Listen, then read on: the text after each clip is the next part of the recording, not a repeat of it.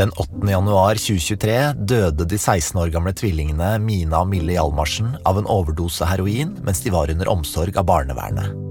Jentene fikk spiseforstyrrelser da de var 13 år gamle og endte opp med over 12 plasseringer i barnevernet. Etter at jentene døde, ble det oppretta tilsynssak mot hele hjelpeapparatet, og i dag faller dommen fra statsforvalteren i Vestland, som har brukt flere måneder på å granske saken. Det er særlig én ting mamma Kirsti Skogsholm frykter skal komme fram. Tenk om man kunne ha redda dem. Tenk om de, de kunne hatt en bedre reise. Tenk om vi kunne ha sittet igjen som familie med Mina Mille.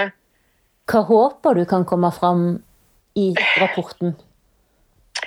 Jeg håper jo at vi klarer å kanskje sette ord på hva som skjer når barn som er avhengige og trenger hjelp fra flere instanser.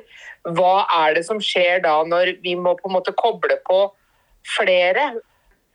Når barnevern, psykisk helse, øh, sykehus øh, Når de skal jobbe sammen, hva er det som skjer da med, med samarbeidet?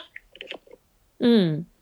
Hvordan tror du det blir for deg som mor å gå inn på den pressekonferansen som skal være? Jeg gruer meg nå helt hinsides.